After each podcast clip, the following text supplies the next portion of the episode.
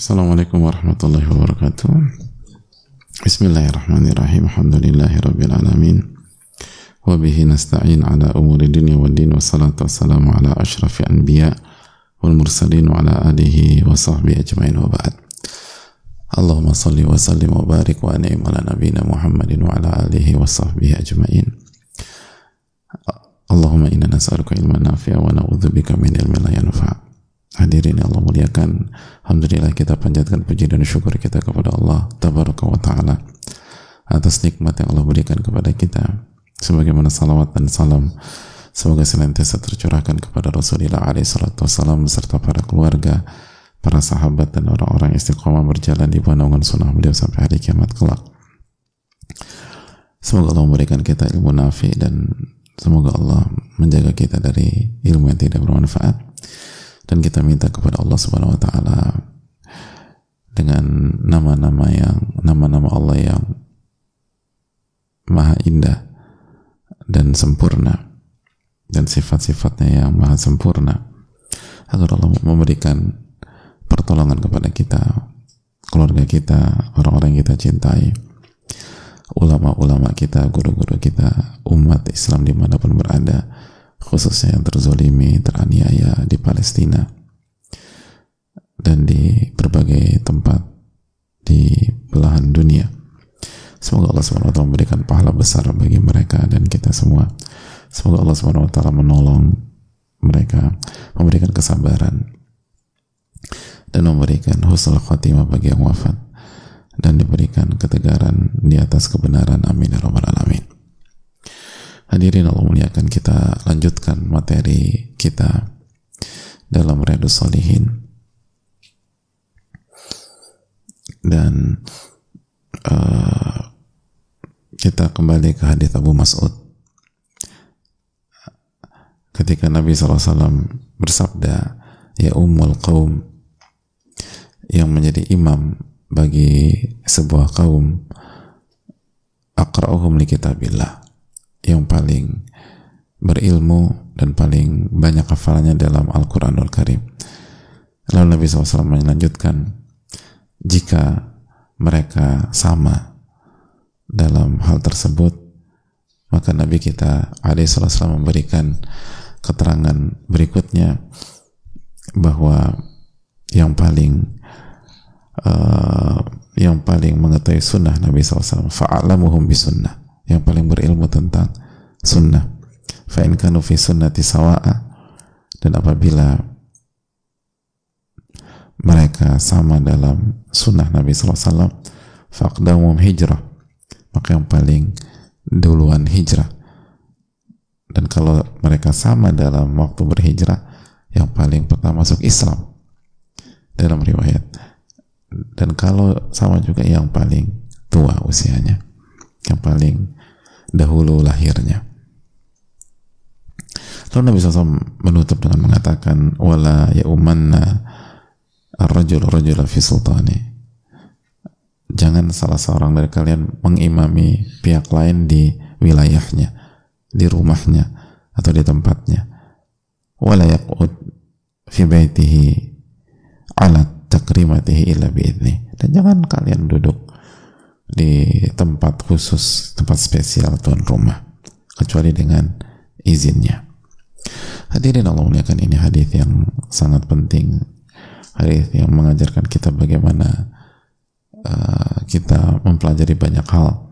Dan di antara pelajaran penting dalam hadis ini adalah inzalun nas manazilahum. Inzalun nasi manazilahum. Bagaimana kita memberikan atau mendudukkan setiap orang sesuai dengan kedudukannya. Jadi menduduk, mendudukkan, mendudukkan hal itu sesuai dengan kedudukannya, mendudukkan manusia sesuai dengan kedudukannya. Artinya orang-orang mulia nggak boleh direndahkan dan nggak boleh ditaruh di tempat yang rendah. Makanya kata para ulama di antara tugas uh, tugas seorang muslim seorang muslimah adalah inzal an-nasi manazilahum mendudukkan setiap orang sesuai dengan kedudukannya Dan ini sangat gamblang. Ketika Nabi SAW menjelaskan bahwa yang paling berhak menjadi imam adalah ulama dan orang yang punya kedudukan. Orang yang punya kedudukan. Lihat, yang paling pertama kali hijrah, yang paling uh, paling pertama masuk Islam, atau yang paling eh, tua usianya, orang itu punya kedudukan. Wa taqdimu ala ghairihim wa raf'u majalisihim wa idharu martabatihim. Jadi ini menunjukkan bagaimana Nabi SAW memprioritaskan mereka dan mendudukkan menjelaskan bahwa mereka punya kedudukan yang tinggi. Dan hadirin sekalian bahwa hal ini adalah hal yang sangat penting di dalam kehidupan sosial. Dan kita harus mengerti. Dan ini menunjukkan bahwa kita bukan hanya diajarkan sholat atau berzikir tanpa tanpa mengurangi kedudukan sholat, sholat dan zikir sangat penting. Tapi kita juga diajarkan Nabi SAW untuk mengerti bagaimana menyikapi orang dan tahu bagaimana menyikapi seseorang.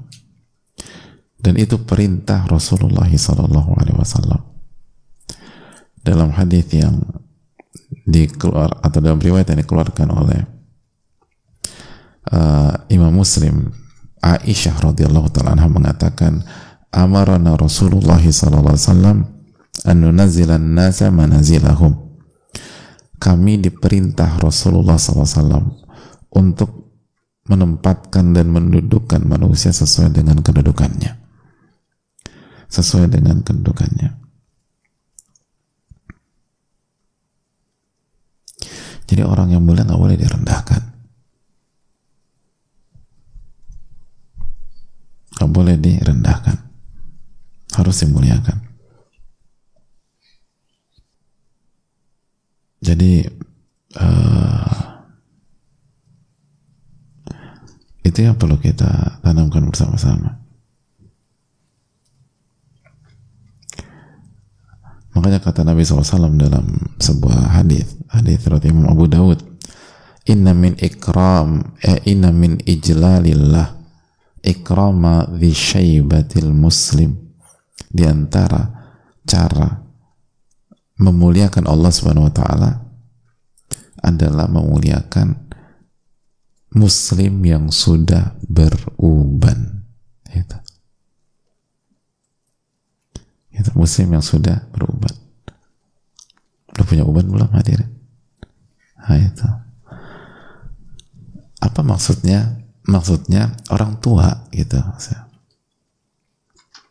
orang tua.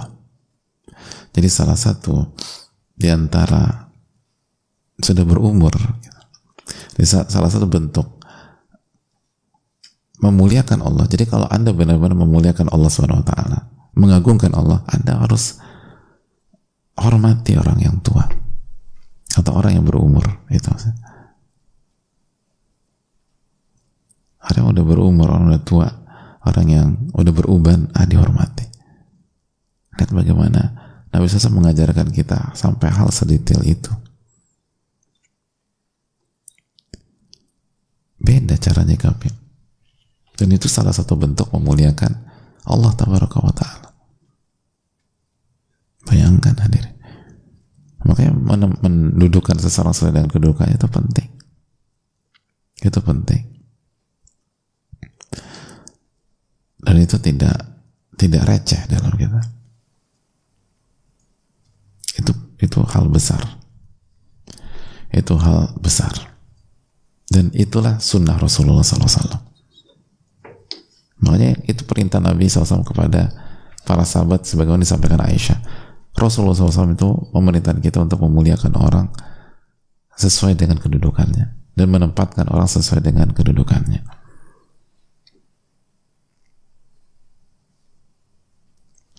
Itu, dan ini perkara penting kata para ulama.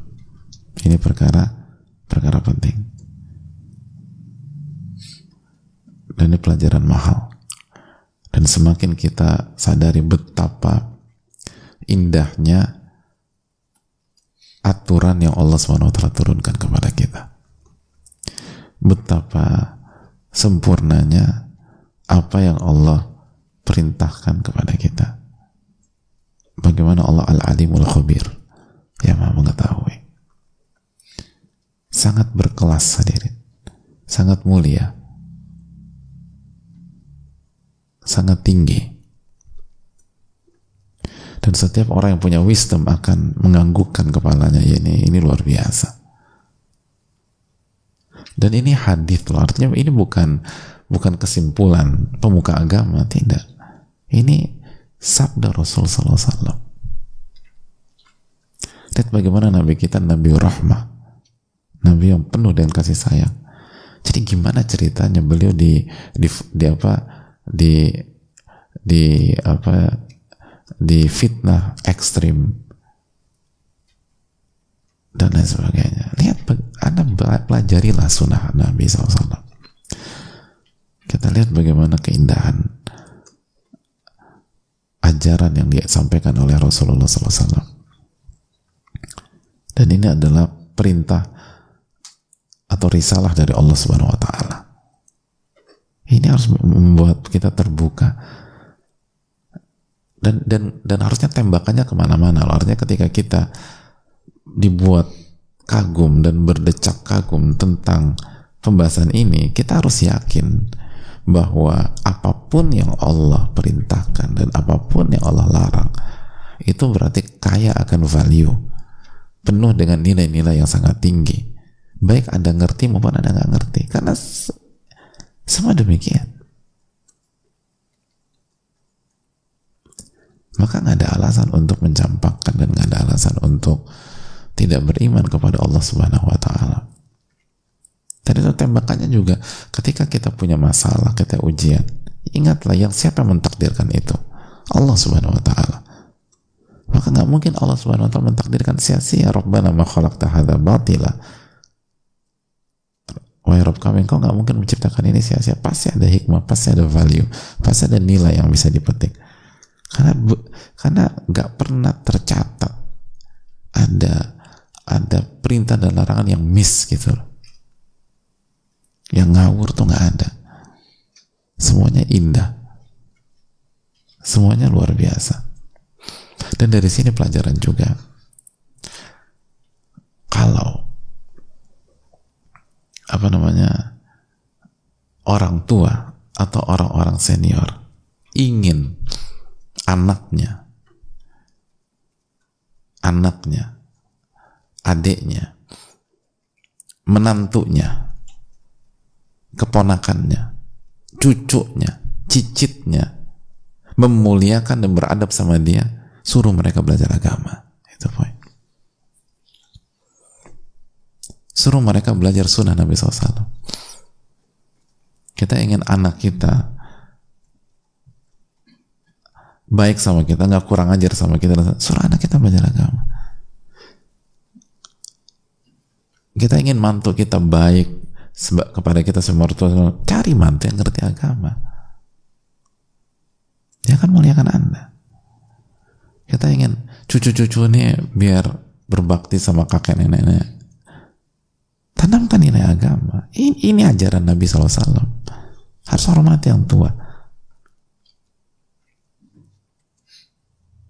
Jadi bukan bukan sebaliknya anaknya mau ngaji dilarang-larang, anaknya mau belajar dipersulit. Itu kan sama saja quote and quote gali kuburan sendiri. Terus anak terus jadi anaknya pakai ilmu apa menyikapi orang tuanya? Justru harusnya didukung. Ditanya, kok nggak ngaji nak? Oh, iya lagi males ya. Nggak nggak ngaji ngaji ngaji dikasih motivasi anaknya untuk datang ke kajian di majelis dan seterusnya. Kenapa? Karena dengan taufik Allah lalu dengan dia belajar, dia ngerti bagaimana menghormati yang lebih tua. Dengan taufik Allah lalu dia belajar ajaran yang Allah sampai yang Allah turunkan, ajaran yang Nabi SAW tuntunkan, dia mengerti bagaimana menyikapi orang tuanya. Itu fine. Kalau dia nggak belajar, dia nggak ngerti. Dan kalau dia nggak ngerti, dia cenderung kurang ajar nanti. Atau salah bersikap. Jadi ini pelajaran bagi orang tua harus memotivasi bahkan memberikan fasilitas mendukung mensupport anak-anaknya belajar. Asal belajar yang benar. Belajar sunnah Nabi SAW atau Islam yang original. Yang yang sehingga terlihat keindahannya. Itu pelajaran penting bagi kita jadi kalau kita ingin punya anak berbakti, ya didik dengan agama. Pengen punya cucu yang baik, didik dengan agama. Atau kalau kita, aku nih belum bisa jadi pendidik, ya udah kasih kasih support, kasih semangat untuk bisa belajar. Pengen punya menantu yang tahu bagaimana menyikapi kita sebagai mertua, cari yang ngerti agama, suruh belajar. Itu poin. Ingin punya keponakan yang baik-baik, belajar agama. Dan begitu seterusnya. Pengen junior-junior di kantor apa tahu tentang respect dan seterusnya, buat pengajian di kantor. Atau ajak suruh datang ke kajian. Menjadi apa? Menjadi uh, program rutin. Program rutin ikut kajian gitu bisa di kantor bisa di luar kantor. Apa susahnya? Oh kantor bisa bisa meeting di luar kota kok. Kenapa nggak bisa duduk di kajian? Gitu. ada banyak orang meeting mana? Di bahkan di luar negeri. Gitu. meeting aja overseas. Itu bisa di dua. Kenapa untuk kajian nggak bisa? Karena demikian Allah taala bisa. Saya rasa cukup sampai di sini. Semoga Allah memberikan taufik. Subhanallah la ilaha anta astaghfiruka wa Assalamualaikum warahmatullahi wabarakatuh. Awali pagi yang berkah dengan bersedekah. Sahabat, manfaatkan waktu pagi untuk meraih keberkahan dari Allah Ta'ala dan mendapatkan doa baik dari para malaikat. Insya Allah, kita bisa memulainya dengan bersedekah kepada saudara-saudara kita yang membutuhkan pangan. Ayo, raih keberkahan pagi dengan bersedekah melalui program Sedekah Pangan. Insya Allah, dana yang terkumpul akan disalurkan dalam bentuk sembako dan makanan siap santap kepada saudara-saudara di Jabodetabek serta kota-kota lain.